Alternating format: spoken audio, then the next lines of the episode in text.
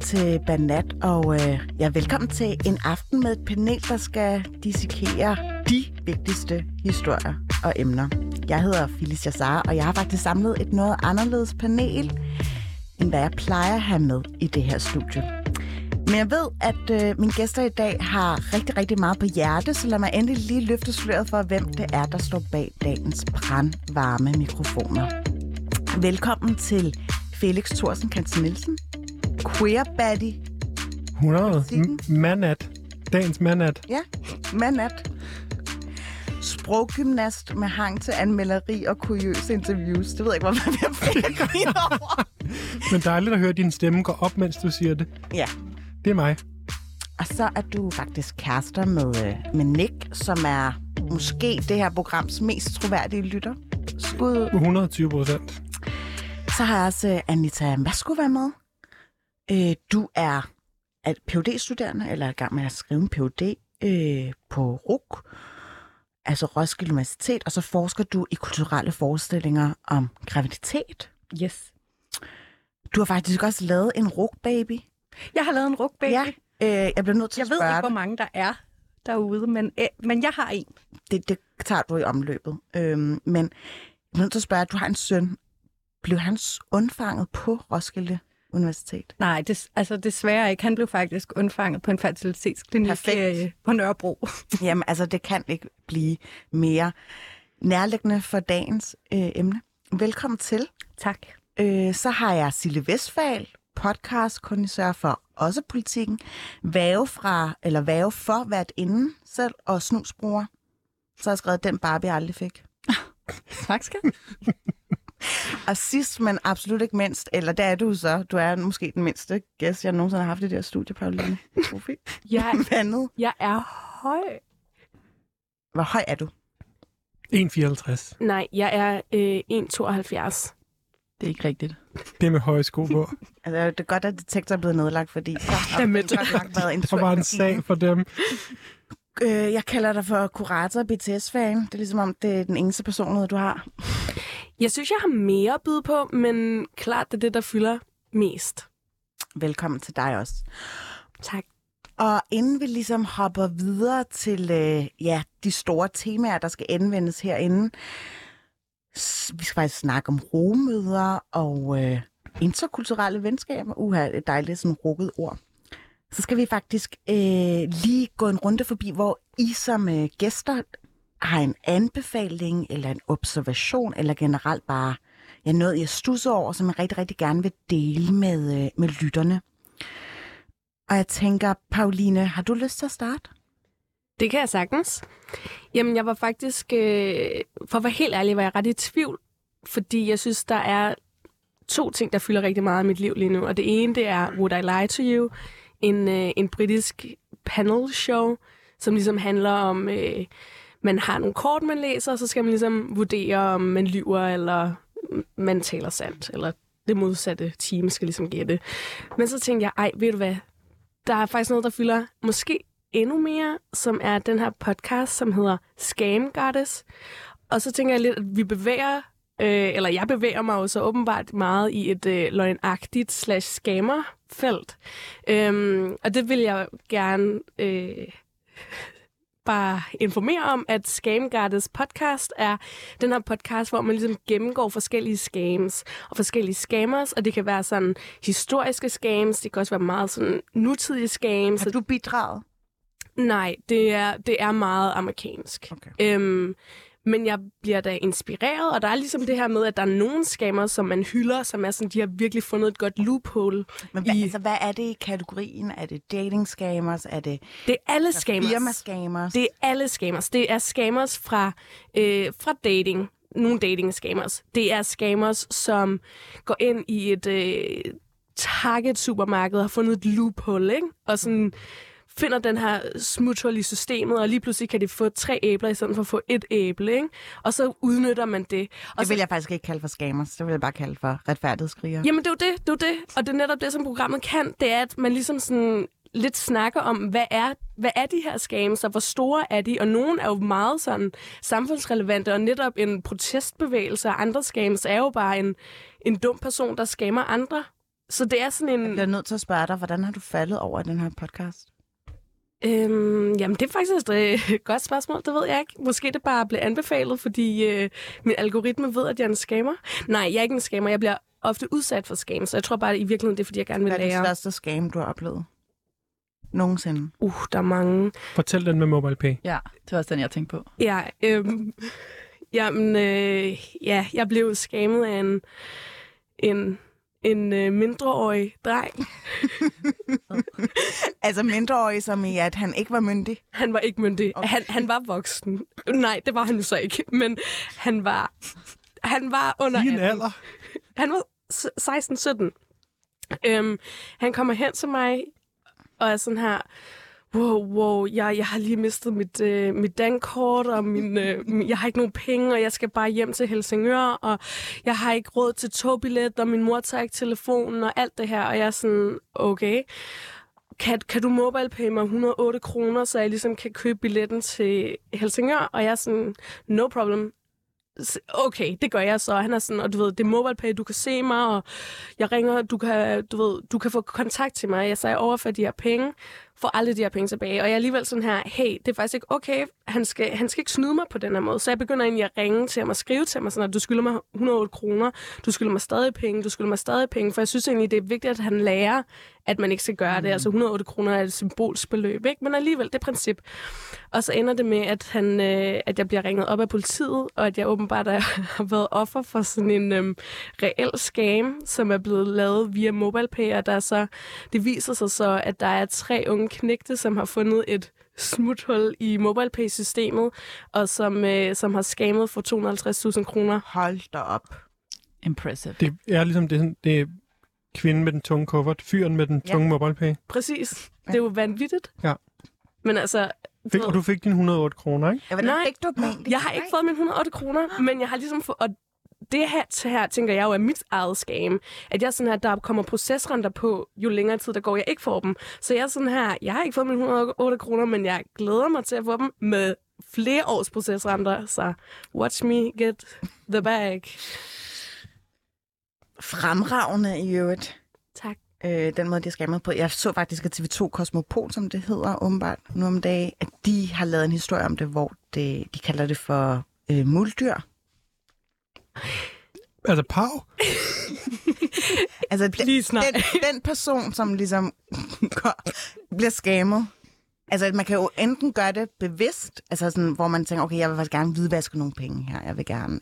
Altså, hvis der er en, der spurgte mig, hey, har du lyst til at øh, overføre 10.000? Eller hvad der hedder, hæve 10.000 til mig? Så er sådan, puha, det lyder godt nok lidt dubiøst, men jeg gør det alligevel. Altså, det er jo sådan relativt Ja, bevidst, ikke? jeg vil sige, det er også, det var faktisk en ting, fordi noget af deres øh, fremgangsmåde var den ene som mig, der ligesom overførte via MobilePay, men de havde så også gået hen til fulde mennesker i byen og ligesom gået øh, gået med dem hen til en øh, hæveautomat. Og fordi de faktisk har gjort det til hæveautomaten og givet dem penge, så kunne de i princippet godt blive tiltalt og ligesom Ja. sigtet i sagen. Så jeg, Jeg ved, det bliver min død. Jeg Jeg- er ikke død, men det det er det, og jeg er bliver min her, RKI-registrering. og det er frygten, og det er derfor, man skal ligesom lytte til scamguidet, så man bliver bevidst om de her Mm. scams. Mm. Tusind tak, Pauline Kofi Vandet, for at dele øh, den her øh, scam-icon af en historie. Anissa, har du taget noget med, som du gerne ligesom vil brede ud i det her øh, fantastiske mikrokosmos? Altså, ja, ja, eller jeg har tænkt sådan meget over, hvad jeg egentlig vil dele ud. Og jeg, altså, jeg kan huske, da jeg Der er så startede... stort pres. Ja, det er kæmpe pres. Jeg kan huske, da jeg startede på skulle i tryghedsgrupper, og der var sådan, øh, sådan noget med, at jeg skulle fortælle tre facts om sig selv, og have sådan nogle, have sådan nogle toiletpapirsruller, hvor man skulle skrive tre facts om sig selv. Hvad på. skrev du? Jamen, øh, jamen, jeg var den sidste i rækken, og jeg endte med at tage hjem, fordi det gjorde mig så nervøs. Skulle det. Med en eller anden undskyldning om, at jeg skulle bryde min Men du kan ikke... Du Lars. kan ikke Scam tænkte, Scam goddess. men... og look at you now. Ja, øh, det er jo... Ja, hvor, ja. Altså, øh, Men Du, jeg vil bare lige, hvis du gerne vil ud af det her studie, så er det meget, meget tungt. Der. jamen, jeg kigger på døren. Men øh, altså, nej, jamen, så, så jeg, jeg, jeg læste en mail om, at der skulle være noget, vi skulle have med, ikke? Og så stod der Jeg noget med plejer at kalde det en appetizer. Ja, en appetizer. Noget med sidste uge. Og så kiggede jeg så i min notesbog for at se sådan, okay, hvad i alverden er det egentlig, jeg har gået og tænkt over den sidste uge. Og det er måske lidt dark, men sådan, det jeg fandt ud af, at jeg sådan har tænkt meget på, det er, øh, at jeg er en lille smule bange for, at, øh, hvad kan man sige, at, at jeg er gået i opløsning. Mm. Og, øh, og det har egentlig sådan, altså jeg har været sygemeldt med depression siden oktober. Jeg er sådan så småt begyndt at komme på fode igen, sådan, altså begyndt at gøre sådan nogle mennesketing, som er, du ved, rydde op og gøre rent og lave yoga en gang om dagen og læse og sådan noget igen. Ikke? Så jeg følte sådan, okay, nu er jeg klar igen, og så startede jeg på arbejde. Øhm, i Hvornår start- gør du det? i starten af februar, mm. men sådan, altså ni timer om ugen, ikke? Men øhm, så småt. Okay, det er så tre uger, jeg har været tilbage. Og første uge, det kalder vi så nu for skoldkoppeugen. Det var Vilhelm, øh, min søn, der fik skoldkopper. Rugbaby. Rugbabyen fik skoldkopper. Anden uge, øh, der fik jeg hornhindebetændelse, som er det, altså, et pænt ord for herpes i øjet. og Og vi griner af det nu, men altså, det, kunne ikke det værste noget. fald jo være, at man skal operere sit øje ud. Det var Ja, der ja. en, der i min højskole, Det var meget, altså, ja, ja, det var som meget dramatisk. glasøje, fordi hun Nej. fik herpes i øjet. Ja, Ej, det, og det kan man godt. Men okay. Og den tredje uge, øh, der var der så omgangssyge. Okay. Øhm, Ja, og det var faktisk der, hvor du skulle have været med i programmet sidste uge. Kan det passe, ikke? jo, det gør det nemlig. Og du siger, du er ved at komme på fod nu. Altså, og jeg sådan prøver at finde ud af, Altså, hvordan man virkelig give samler hende en applaus for overhovedet at komme med i det. 100. 100 Ja, procent. tak. Jeg klapper også selv. Jeg synes, ja. det er meget Enormt imponerende. intimiderende crowd også. Altså. Nej. Ja, eller... Nej. Ej, I der er søde. Nej, men altså... Ja, men så, så googlede jeg sådan, hvad gør man, når man... Altså, det føltes lige som om, jeg havde opbygget en eller anden krop, som nu begyndte at falde totalt fra hinanden. Ja. Øhm, så googlede jeg, hvad man så skulle gøre, når, når man gik i opløsning, og jeg fik sådan nogle svar, eller sådan, øh, mærke efter i dig selv, og vær, Åh. bare være dig selv, og sådan noget. Ikke? Og det har altid givet mig sådan nogle imposter-følelser, mm. øh, fordi der er sådan angsten for, at de andre skal finde ud af, at der, jeg ikke har noget selv at ty til. Mm. at jeg ved da ikke, hvad de mener, når de siger, at jeg skal mærke efter i mig selv. Jeg er jo alle mulige. Både din fugl, Lars. Hvad for noget? Ja, Både præcis. Lars. Nå, så lavede jeg så i stedet en liste Ja. øh, over sådan... Øh, og jeg gik meget systematisk og lavpraktisk mm. værk, så lavede en liste over sådan beviser på, at jeg findes. Øh, og det har været rigtig, rigtig fint. Og har du egentlig summet eller taget dem i, altså sammen med nogle andre, ligesom for at få anerkendelsen af, at ja, det her, det findes? Altså, de, de er, altså, jeg har skrevet det på min liste, at andre, Nå, okay. aner, altså, når andre kontakter mig, så må det jo betyde, at jeg eksisterer. Mm. Ligesom mit navn, mit CPR-nummer, øh, mit barn og, så, og det lignende. Mm. Ja. Jeg synes virkelig, det er sejt, at du øh, overhovedet overgår at komme ind i studiet i det her meget konfrontatoriske øh, rum. Men også bare, når man har en depression, at det der med at stå op, et, altså en opgave i sig selv. Jeg, Jeg laver lister, hvor der står, at jeg skal Mm. huske at gå i bad. ja, nej, men jeg, jeg har også jeg har periodiske depressioner, så jeg sådan der forstår den der struggle om bare sådan at gøre, være til. Har Træk du, vejret. øh, undskyld, Hvordan er det nu, mennesker gør? har, har du så været i kontakt med en psykolog eller en terapeut? Altså, jeg er sådan øh, så småt i gang med det. Øh, jeg er på i sådan en psykiatrisk øh, forløb på Nannasgade. Øh, skal i noget gruppeterapi næste uge for første gang. Mm. Ellers er Jeg tænker, yoga. at øh, jamen, yoga er faktisk en blessing. Jeg ved, der er nogen, der er øh, gode til at praktisere det. Jeg har Om afmeldt andet, min hot tænker yoga i dag.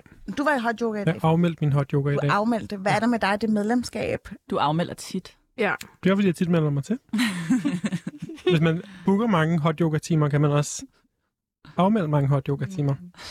Det er ligesom, når man har valgt ikke at købe noget, så får man også pengene.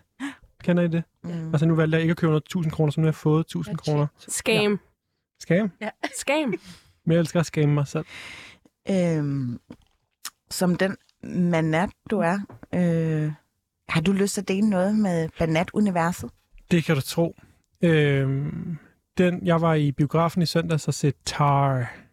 Øh, den Den har jeg hørt så meget om. meget, meget lange, to timer og 40 minutter lange film om en, øh, hvad hedder det, en maestro, som bliver spillet af Kate Blanchett, Lydia Tarr, som er en, en lesbisk maestro, som arbejder på Berlin orkestret, whatever det hedder, øh, og en meget, meget lang film, og som handler lidt om sådan, måske lidt om cancel culture, måske lidt om hendes sådan Black Swan-forløb, at hun øh, bliver for stor til sig selv og vil have noget større og sådan noget. Men den er, er rigtig mange af dem blevet kaldt et, et generationsportræt af Generation X, og det synes jeg var rigtig spændende. Jeg skal lave noget podcast om det den her uge, fordi at for mig er Generation X sådan en mærkelig, lidt overset generation. Vi snakker enormt meget om boomer, okay Ja. boomer, og millennials og zoomer, men Generation X, som er de cirka 40-60-årige, er ikke en generation, vi snakker så meget om, og de er enormt magtfulde. Alle ministerne stort set Mm. mm. er Gen X, og alle cheferne alle mulige steder, så det er sådan en, en, en øh, meget magtfuld generation, og i den her film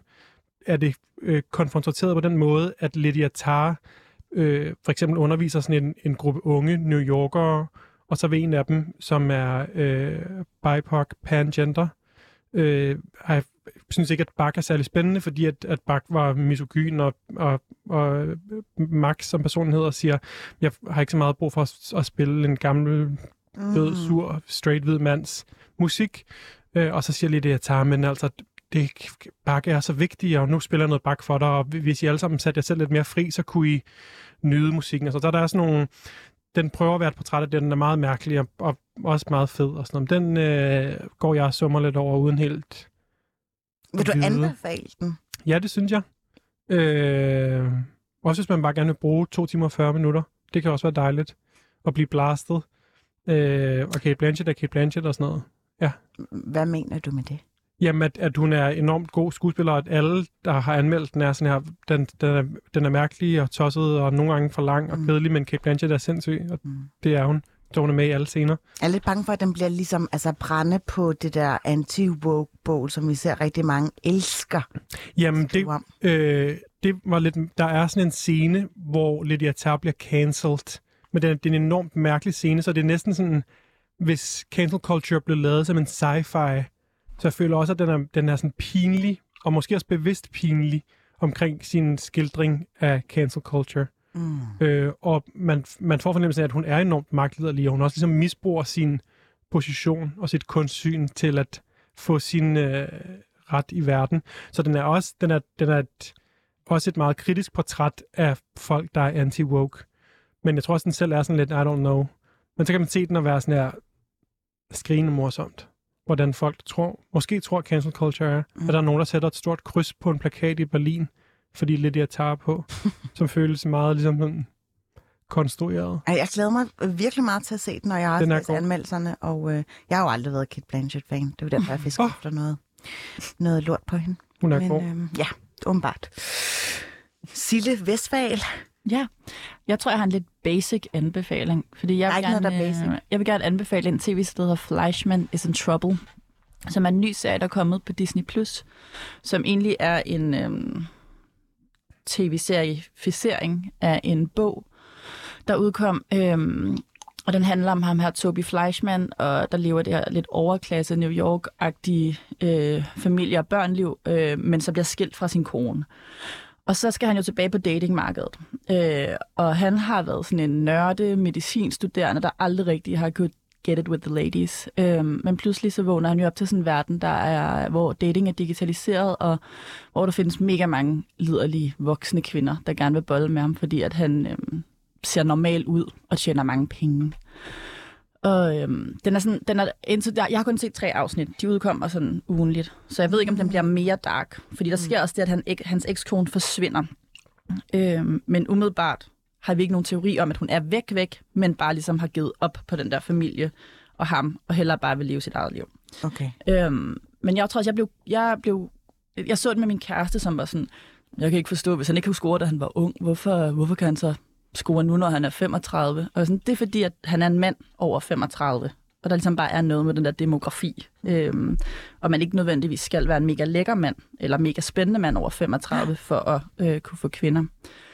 Så, kom, så studsede jeg også lidt over min egen sådan internaliserede misogy- misogyny, fordi at alle de her kvinder, han dater, er over 40, og det, og, og det giver mening, for han er over 40, men i starten var jeg sådan, gud, hvor er de gamle, alle de her damer, han bliver ved med at være sammen med. Og så var jeg sådan, nå, fuck. det er faktisk, det giver mening, men det er også fordi, man er vant til at se de her. Øh, man kender godt alle de her mænd, der bliver omkring 40, måske 45, øh, og forelsker sig i en eller anden student, med på arbejdet, og starter hele livet forfra. øh, nogen, kender, nogen kender det bedre i det Jeg end andre. lidt hånden. ja, ja. Øh, ej, vi er da alle sammen touch base øh, i den slags. Men, øhm, Man skal forbi den.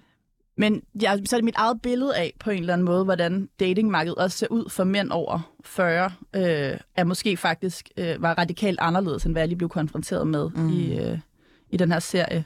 Øh, den er ret sjov. Det er et dejligt portræt, portræt af nogle mega rige, øh, mega irriterende mennesker. Den er også lidt hysterisk, øh, men jeg synes, den, sådan, den er også dejlig let indtil mm. videre i hvert fald. Og, Hvorfor tror du, du tænkte om det der med, med kvinderne, at de så gamle ud? Men det tror jeg, fordi at hvis man, fordi han på en eller anden måde øh, per definition er et catch nu. Ja. Fordi at han er voksen og tjener penge og ser Men er han ikke mega stadig almindelig mega ud. usikker? Øh, øh, han, er, han er lidt nørdet, men en, han virker ikke usikker, vil jeg sige, når han går på date. Øh, men han er ligesom meget, meget, øh, en meget, meget almindelig øh, mand. Mm. Men, men det er ret nemt for meget almindelige mænd at score meget. Øh, og når man ligesom øh, for eksempel googler øh, hot kvinde, så dukker der altid en eller anden 19-årig op med store bryster. Ja. Øh, hvis man googler lækker mand, så er de tit over 40. Altså, så hele det der kulturelle billede, mm. vi og jeg også er sådan Men det, smittet det af. er ret fedt, at du er bevidstgjort om det, fordi... Jamen, jeg blev jo først lige ramt af at være sådan, hmm. Mm. Så tænker jeg, nå, fuck. Fuck it. Ej, den, hvor er det, man kan se den? Var det på Amazon Prime, eller hvor? Disney? Plus. Disney Plus simpelthen. Okay, det tror jeg lige, jeg skal få genaktiveret, eller ja. lige spørge familien, om de har et kodeord eller to.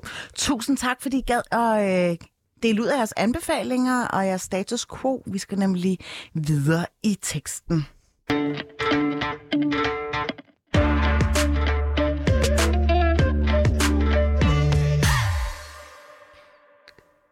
Jeg har jo forsøgt at lave et program om, øh, om surrogatmøder og rumøder i det her Banat-univers, men det har bare været sindssygt svært at finde de rette personer.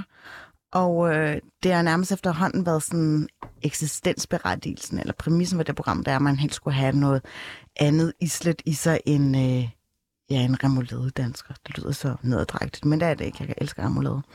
Men, øh, men nu har jeg så fundet, altså Anita, Ja. jeg har jo hidkaldt dig som en værende eksperttype, men du har jo også lidt noget banat i dig, fordi du... Altså, være der afslører måske, at du Ja, Maskova, det er min mor er tjekkisk. sejt. Og øhm, så, så på den måde, så kan jeg godt putte et banathylster hen over hovedet på dig. Det kan Har du det fint med det? Ja.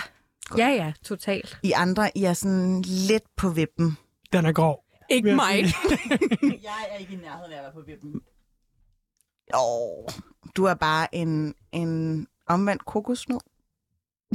Whatever you say. altså, Cancelled. ej, ej, ej. Cancelled. Ej, ej, Det ej. kan man ikke sige. Ej, øh, jeg bare, bare forsøger at berettige mig til at være her, fordi jeg Du er forstår, at jeg begår berettiget. en form for kulturel appropriation Ej, ved det at gør du sidde her. Det gør du bestemt ikke.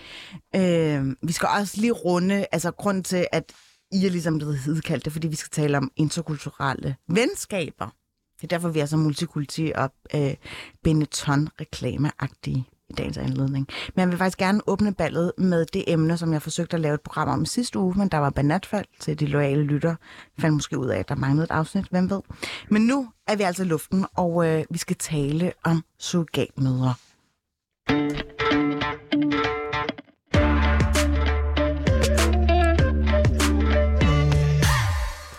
Det er nemlig sådan, at flere og flere kendiser benytter sig af rummøder for at få børn.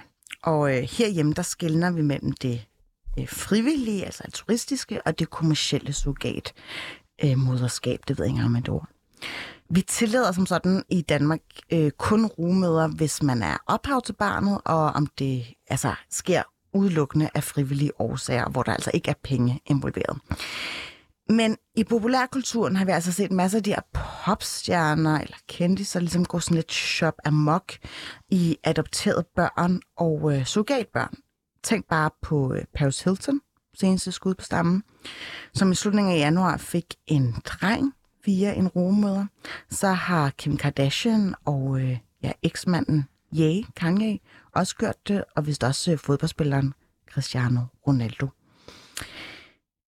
I dag er det ulovligt at få hjælp til insemination for rumødre, men det vil etisk råd gerne ændre på, så det også bliver muligt for rumødre at få fertilitetsbehandling og hjælp på danske hospitaler.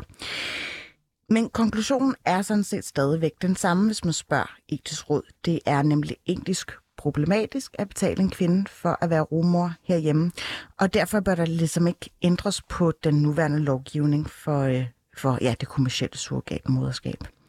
Det er faktisk 14 år siden, at rådet, altså etisk råd, sidst tog problematikken op. Også dengang lød vurderingen, at det ikke bør være, lov, være øh, lovligt at gøre brug af rumøder mod betaling. Nu har jeg lidt øh, tænkt, at vi skulle agere lidt eller etisk råd herinde. Mm. Når jeg siger rumøder til jer, hvad er ligesom de første etiske dilemmaer, der dukker op? Skal vi starte med dig, Anita Maskova, som også øh, ja, forsker i, i, Ja, i graviditet. i jeg vil graviditet? sige, jeg er, ikke, jeg er overhovedet ikke ekspert på rumoderskab, så bare sådan, så det er på plads, hvorfra jeg taler. Så det er, så det, det er sådan mere mave. Men altså noget af det, jeg synes er spændende, er i hvert fald den sådan umiddelbare øh, modvilje, øh, den umiddelbare sådan, alle de effekter, der sådan knytter sig til det. Ikke? Der er sådan, åh, der er et eller andet, en følelse af, at der er noget helt galt og noget helt forkert her. Øhm, som jeg, altså, og den, de effekter, synes jeg, er, er enormt spændende. Altså helt forkert, som i... Jamen, der, når man, øh, det, det er virkelig ikke normativt, men sådan, at der er en masse følelser af, at det her, der, åh, der er noget, der er et eller andet, ikke? Der, mm. der er der, der ikke er rigtigt og sådan noget. Og, og det synes jeg sådan, i sig selv er sådan ret spændende. Jeg synes, der er flere. Jeg synes ikke, der er andet nærmest end etiske mm. dilemmaer her. Altså, mm. Jeg synes for eksempel, et, et af dilemmaerne er jo faktisk at balancere, øh, balancere retten til kropslig autonomi. Altså til at rummøderne faktisk godt selv kan vælge, om de vil det på den ene side, ikke? at vi ikke kommer til at tænke i ofre og, og folk, det er synd for, og dem, der er onde, og altså alt det her, ikke? Mm. Øh, på den ene side, og på den anden side samtidig at, at bibeholde et kritisk blik over for de for eksempel forskellige magtrelationer og, og forskelle, der kan være. Mm. Øhm, det synes jeg har været, altså det synes jeg er svært også at skulle øh, navigere rundt i. Der er cirka 200 børn, der bliver hentet, øh, altså primært sådan udlandsk øh, rumøder, som øh, ja, er graviditetsvært, som der sidder mm. øh, for, for, for de her forældre. Og jeg tror, jeg, Dennis Knudsen er et virkelig godt eksempel på, hvor han har rejst til USA og betalt sig til mm. ja, kommersielt øh, rumorskab. Er det overhovedet et ord, eller er det bare mig, der bliver ved med at sige det forkert? Nej, det er, jeg tror, det er et ord. Rumoderskab. Jeg synes bare, det ligger lidt tungt i munden. Jo, rumoder, ja. Ja. Altså, også lige nu, hvor jeg faktisk læser mit, mit, øh, mit oplæg op her og refererer til de her kendte, så vi ved jo ikke noget omkring deres egen sådan, ja, fertilitetsstatus. Det kan jo godt være, at de bund og grund øh, bare har svært ved at øh, ja, få børn helt naturligt. Kim Kardashian fødte jo i hvert fald sit første barn selv. Måske også det andet, det kan jeg faktisk ikke huske. Kun det første. Kun det tror jeg. første. Og jeg tror faktisk, hun fødte af to omgange, okay. For jeg, kan, jeg har to minder af hende, hvor hun er gravid, Ja, og de er uvilkårlige. ja, ja. kan ikke slettes. Nej. Øhm. det, that's a fact. Så selvfølgelig kan der godt opstå komplikationer senere hen, men umiddelbart har hun jo også ud, jeg, har hun ikke også snakket om det der med ligesom at ødelægge, øh, altså at føle at ødelægge sin krop. Jeg tænker også, en, der lever så meget, profiterer så meget af, øh, af sin krop, og hele tiden ændrer sin krop til en eller anden ny form for kulturel æstetik, har sikkert også været bekymret for, hvad endnu en, eller en tredje graviditet kunne gøre ved kroppen. Og der, hun, altså, hun fik jo også enormt meget ligesom ballade mm. og memes med, at hun havde en stor krop, og hun lignede en sofa og sådan noget, så der er jo også en eller anden... Ja, hendes fødder var så hævet, at de ikke kunne være i sko. Præcis, så der er sådan en... Det, det, det er stadigvæk meget lidt moderigtigt at have mm. en gravid krop, for eksempel. Så hvis man Eller lever... bare have en stor krop. Ja, ja, en præcis. tyk krop. Mm. Altså sådan det der med det værste, der kunne ske for Kim Kardashian, var, at hun var en tyk. Mm. Ja, hun person. blev tyk. Altså, ja. Ja. Også fordi hun ikke har så mange centimeter at gøre godt med. Det, Ligesom hvis andre. Mm. Altså, jeg vil gerne lige stille det lidt, øh, ja, åbne spørgsmål. Vil I selv kunne bære et barn for en anden, der havde fertilitetsproblemer? Ja. Eller som bare øh, virkelig brændende ønsker at få et barn? Jeg har Du virkelig, siger ja, Pauline, og du siger, hvad siger du, Anita? jeg, siger, jeg har virkelig tænkt meget ja. over det der, ikke? Fordi jeg kan sagtens lave, forestille mig, sådan, tror jeg, at jeg skulle lave sådan en Phoebe øh, i Mm. venner, sådan, øh, hvis min søster ikke kunne få et barn, og så gøre det.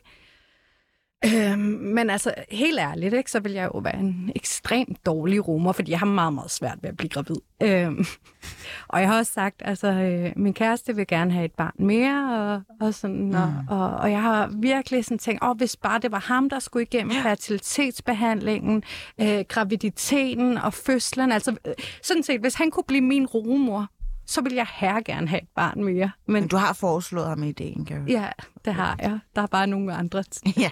ting, Nogle der sådan lige står i vejen. Ikke? Mm. Men, altså, men helt ærligt, altså, ellers så skulle jeg have fucking mange penge for det. Sådan. Mm.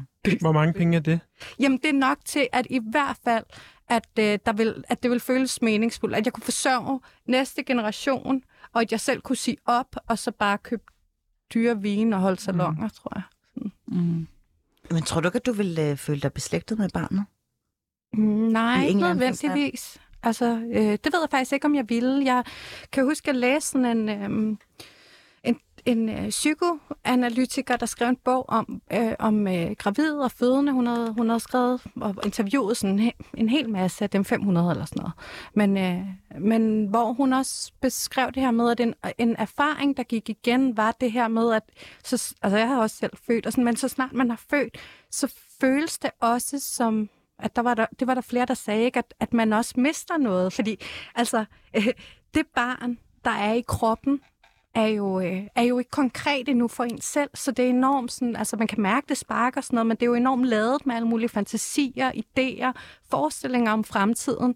Og i det, det konkrete barn pludselig er der, øh, mm. så er det et, noget, noget andet, ikke? End, end det, man havde. Så det kan også føles som en, et tab af, af, af den idé, man havde.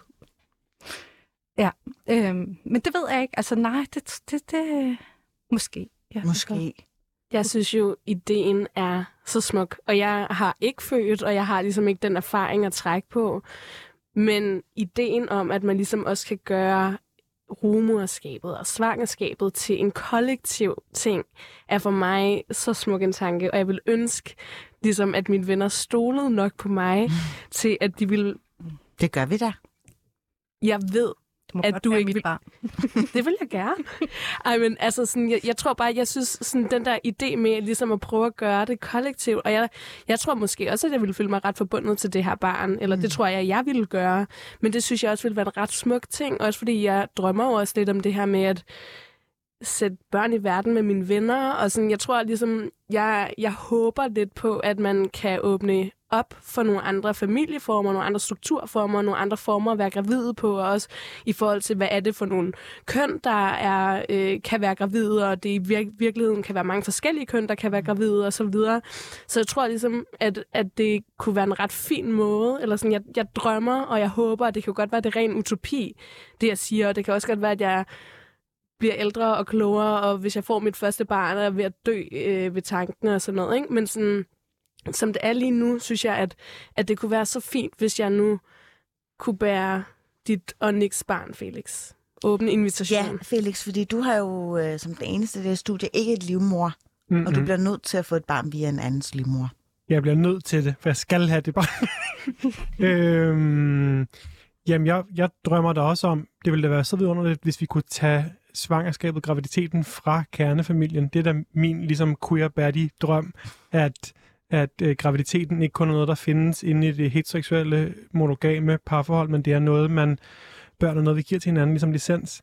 At det ligesom var en, var en fælles opgave, men jeg, ligesom etisk råd, er der mange ligesom gråzonelamper, der også blinker, hvor, hvordan det kommer til at foregå, og så snart der er noget med penge, bliver jeg også bange, fordi øh, de rige har får det allerede, som de vil, og hvis de også begyndt ligesom at styre, hvem der vil få børn, det kan jeg få det nøjere over, men men, øh, men jeg synes, det er et, en, der er et kæmpe potentiale, fordi der er så meget, det er så fastlåst en kategori, det der med, hvornår man må få et barn. Mm. Det er jo, altså, det der med, at det stadigvæk bare er lidt balladeagtigt, at en kvinde får et barn alene, viser ligesom, hvor forankret vi er i, at et barn er noget, en mor og en far får inde i et parforhold, selv det der med at blive gravid uden for parforhold er stadigvæk tabubelagt og sådan noget, men, men i virkeligheden findes der forældreskaber, som er enormt frugtbare, og som findes uden for øh, det sidste hetero parforhold. Så jeg drømmer der om alt det gode ved at åbne øh, rumødre, debatten og graviditetsprojektet øh, projektet op. Mm. Men samtidig ved jeg også godt det der med, sådan, det bliver aldrig mig, der skal øh, bære det der barn i ni måneder. Det har vi i hvert fald ikke ligesom opfundet nu. Så er der et eller andet øh, gammelt program, hvor øh, hvem er det? Thomas og hvad hedder ham der, den irriterende Emil, lader som de føder og får sådan nogle smerte, nogle på fra det gamle DR-program. Åh, oh, Gud. Nå, ja, Åh, ja. Emil Thorup, tror jeg. Ja, Emil Thorup, der øh, prøver at gennemgå en fødsel ved Ej. at få sådan nogle elektroder på. øhm, men det er det der med, sådan, det, det er meget nemt for mig at sige som cis-mand, at ja, øh, romoderskabet skal da bare åbnes op og gøre, at jeg skal da bare sådan logge ind med min midt-idé og vælge øh, en sød mor fra, et, øh, fra en eller anden liste, og så finder vi ud af det. Øh, jeg drømmer om, at det er nemmere, Mm. men kan sagtens se, hvor uhyggeligt det ser ud. Mm. Men Vi pakker lige uhyggen væk. Jeg skal nemlig også lige få, få, få spurgt dig, Sille Vestfald. Altså, hvad tænker du er den største knast i det her? Øhm, altså, jeg er jo enig i de, med de andre i, at, det, at, at graviditet som noget kollektivt er en virkelig smuk tanke. Øhm, rent egoistisk, så vil jeg nok ikke gøre det, fordi jeg synes, det lyder som utrolig hårdt arbejde at være gravid.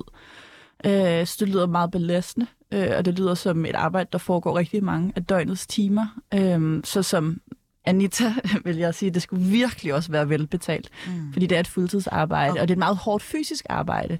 Og det er jeg ikke sikker på, at øhm, jeg vil være indstillet på at, at gøre for nogle andre, faktisk. Jeg har faktisk også øh, jeg har inviteret en femte person med i, i det her studie, nemlig dig, øh, Signe Plambæk, på en telefon fra London. Du er seniorforsker og antropolog øh, på DIS.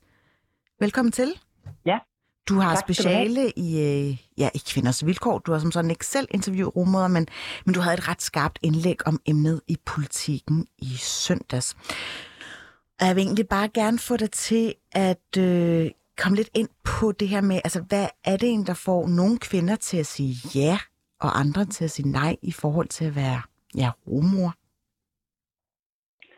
Jamen, jeg har prøvet at sidde og kigge på øh, en del af den litteratur, der er på området, altså forskning, øh, hvor man har talt med kvinder forskellige steder i verden om det. Øh, og man må i hvert fald i første omgang sige, at, der, er- at, at at være rumor er ikke bare øh, én ting eller én type.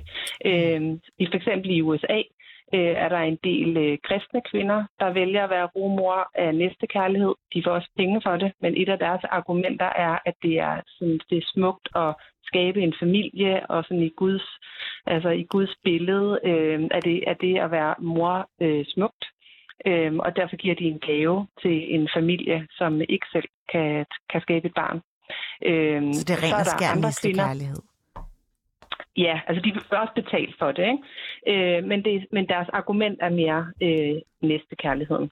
Øh, så er der ukrainske kvinder, som er et af de lande, hvor øh, en del øh, rejser til, der fortæller, at det er en beslutning, de har taget sammen med deres øh, mand, og øh, i et ønske om, øh, der må man øh, kun gøre det, hvis man har født selv tidligere, så man har en familie i forvejen, eller i hvert fald børn i forvejen, at de har besluttet det sammen med deres mand øh, om at, at gøre det, fordi det er en måde, som øh, de kan tjene penge til hele familien og skabe det et bedre liv for de børn, de allerede har.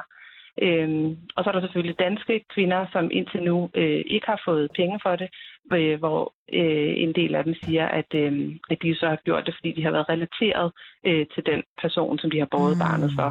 Øh, men generelt må man sige, at øh, det her sådan lidt stereotype billede af, at det er nogen, der sådan mm, nærmest er tvunget og udnyttet mod deres vilje.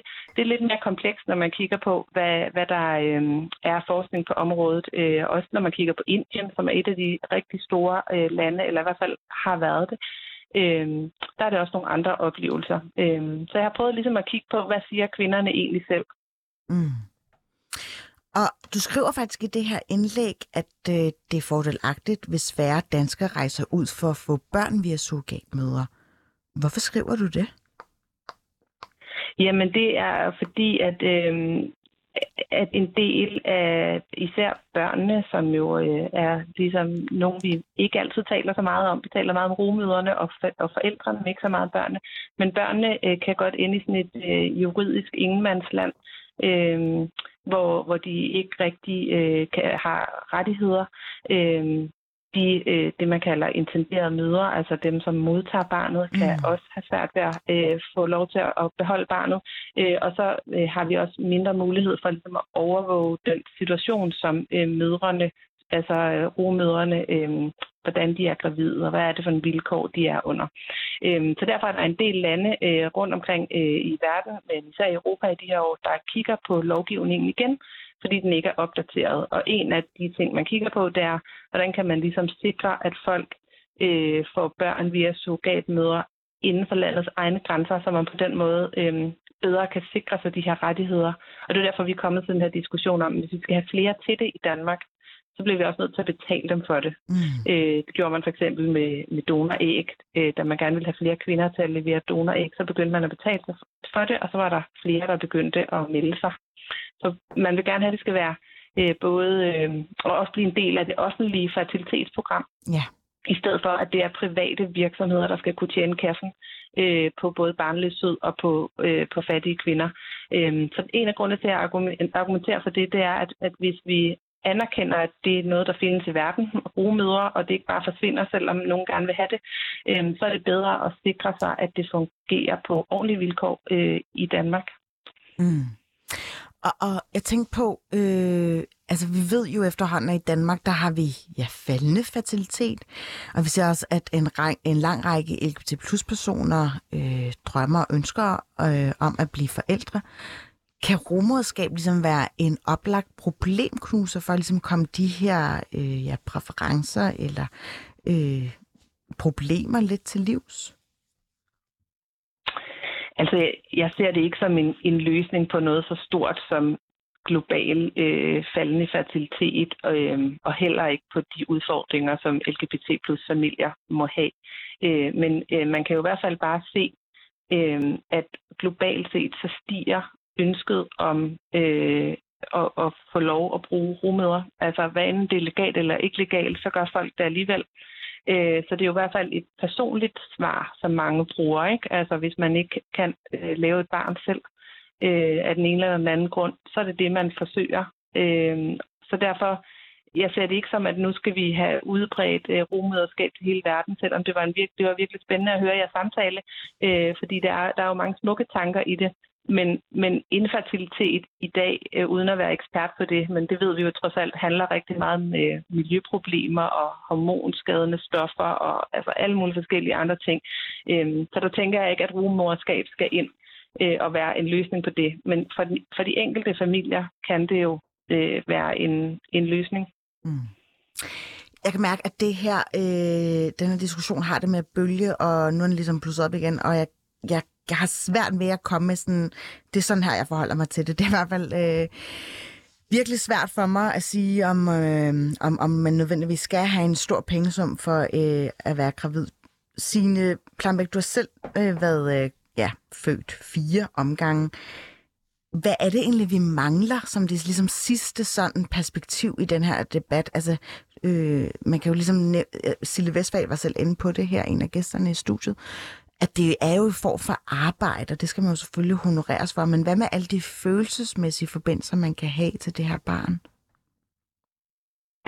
Jamen, altså, det kan man sige, det er, jo, det er jo noget af det, som vi endnu ikke altid ved så meget om. Altså, derfor skriver jeg også i artiklen, at, øh, at før man bare siger klart ja eller nej, så bliver vi også nødt til at have mere øh, flere undersøgelser og forskning på området. Hvad betyder det, når du er 15 år gammel eller 20 år gammel øh, i forhold til din rumor, og hvordan, øh, hvad nu hvis rumoren fortryder? Og sådan. Der er utrolig mange spørgsmål. Øh, men noget af det, som, som øh, vi gør i, i antropologien og også i andre fag, øh, discipliner, det er at se på det, øh, eller prøve at kigge på det som en form for arbejde. Altså, som du sagde, har jeg selv født fire børn, og jeg synes bestemt, øh, som en af dine gæster også siger, at det er en, det er en form for arbejde. Øh, så hvis man ikke bliver kompenseret for det, øh, så, altså, så er det jo, hvad kan man sige, et arbejde uden løn. Mm. Øh, og når man taler med de her rogemødre rundt omkring i verden, så er der rigtig mange af dem, der omtaler det som et arbejde. Og selvfølgelig et arbejde, som er 24-7 i de ni måneder.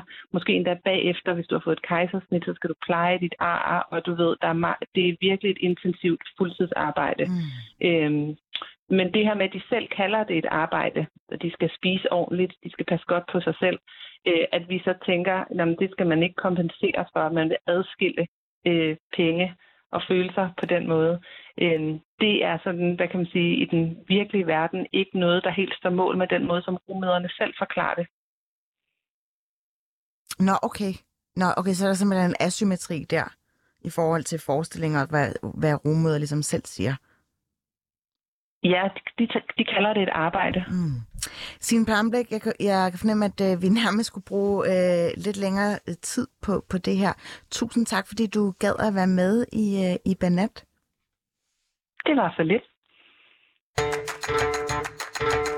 Ja, uh, seniorforsker og antropolog uh, på DIS. Signe Plambæk, var det ikke mega interessant, det hun sagde? Og jeg skal lige huske at tænde fast mikrofon. Det er mega spændende. Meget. Helt vildt. Men det er også bare vildt svært ligesom, at få bare øh, en brøkdel af nuancerne med i den her debat, når man ligesom har det ved jeg ikke, 20 minutter max, ikke? Altså sådan, det, det er virkelig sådan argumenter og positioner sat på spidsen, synes jeg. Så altså sådan, det, det er virkelig fedt, men det er noget, man ligesom skal tale længere tid om, også bare for at få lidt flere nuancer og gråzoner. Nu prøver jeg lige at holde, øh, ja, rækkefølgen intakt her, fordi jeg kunne se, at du også lige markerede, Nita. Hvad, hvad vil du gerne byde ind med? Øh, jamen en hel masse på baggrund af... Hvad, Fyr den af. Fyr den. Ellers, jo, okay.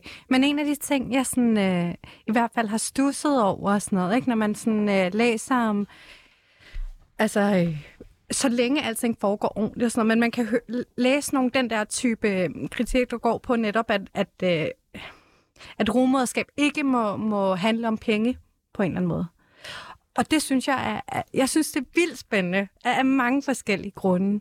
Fordi først og fremmest, så er der det her med, altså som sin Plambæk også peger på, ikke, at det er en slags arbejde. Øh, og der er også en hel masse typer af arbejde, hvor vi øh, ikke har noget imod, at, krop, altså at kroppene arbejder, og at de gør det for pengene. Men det her med, at hvis rumoren op, altså er gravid for pengene, så har vi et problem med det.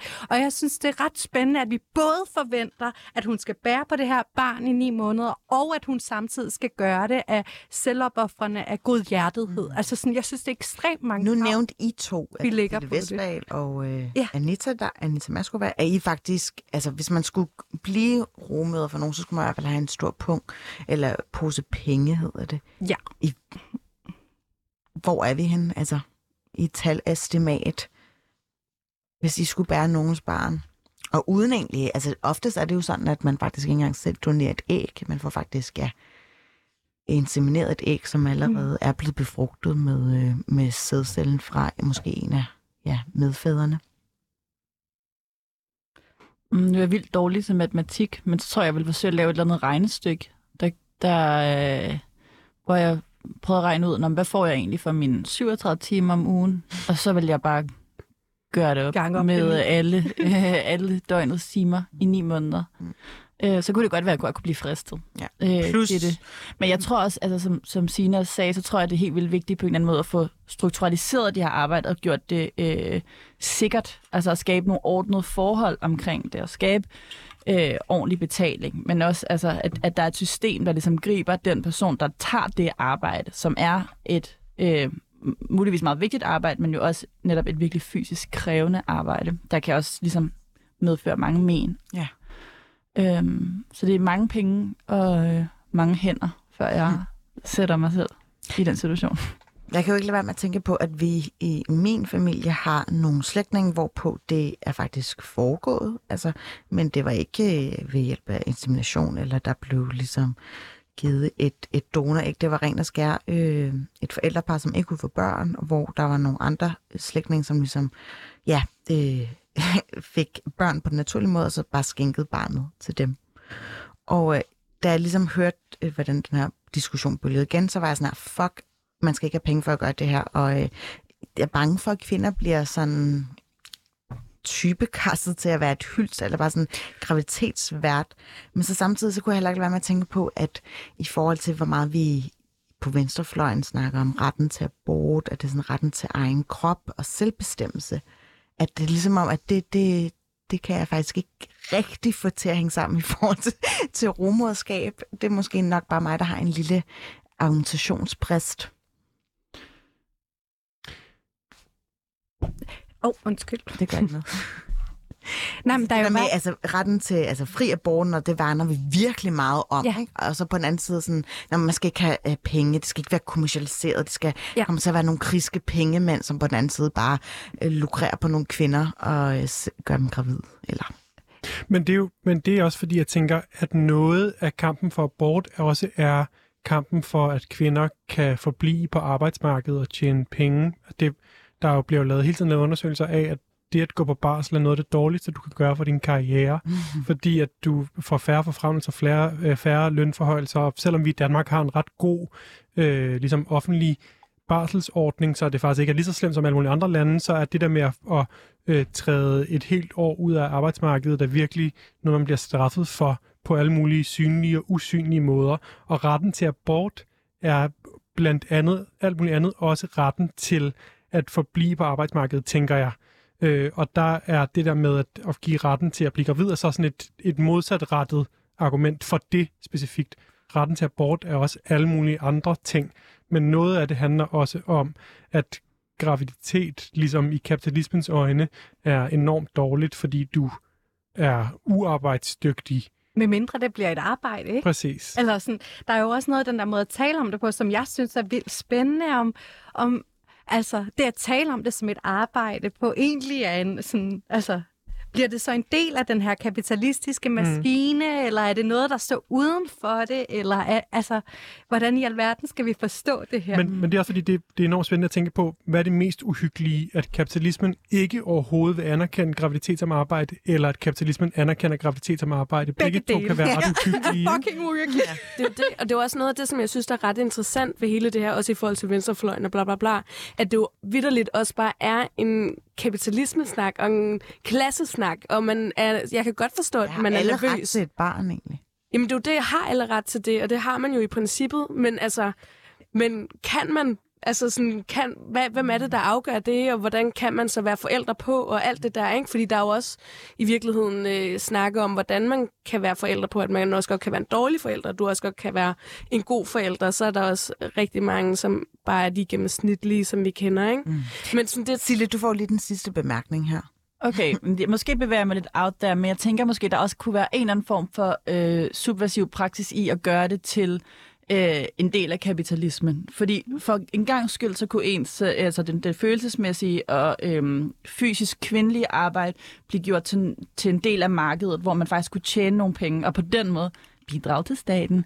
Øh, bla bla bla. Altså, Blive rig for en gang skyld. ja, hvis man på en, altså, men Ja, hvorfor er det, det, det, er snart, det er sådan, markedet fungerer. Det, det og så man er bare bruge. nødt til på en eller anden måde at spille med på de præmisser. Og det forstår jeg godt, men det er der, hvor jeg sådan har, fuck præmisserne. Altså, ja. Vi skal vende det på hovedet, ja. Eller lade være med at blive ved med at gå med på kapitalismens mm. principper. Jeg forstår godt, at det ligesom er også noget af det, man skal gøre.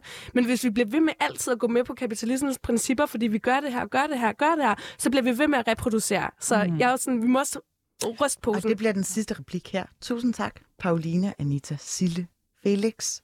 I har lyttet til Banat. Mit navn er Phyllis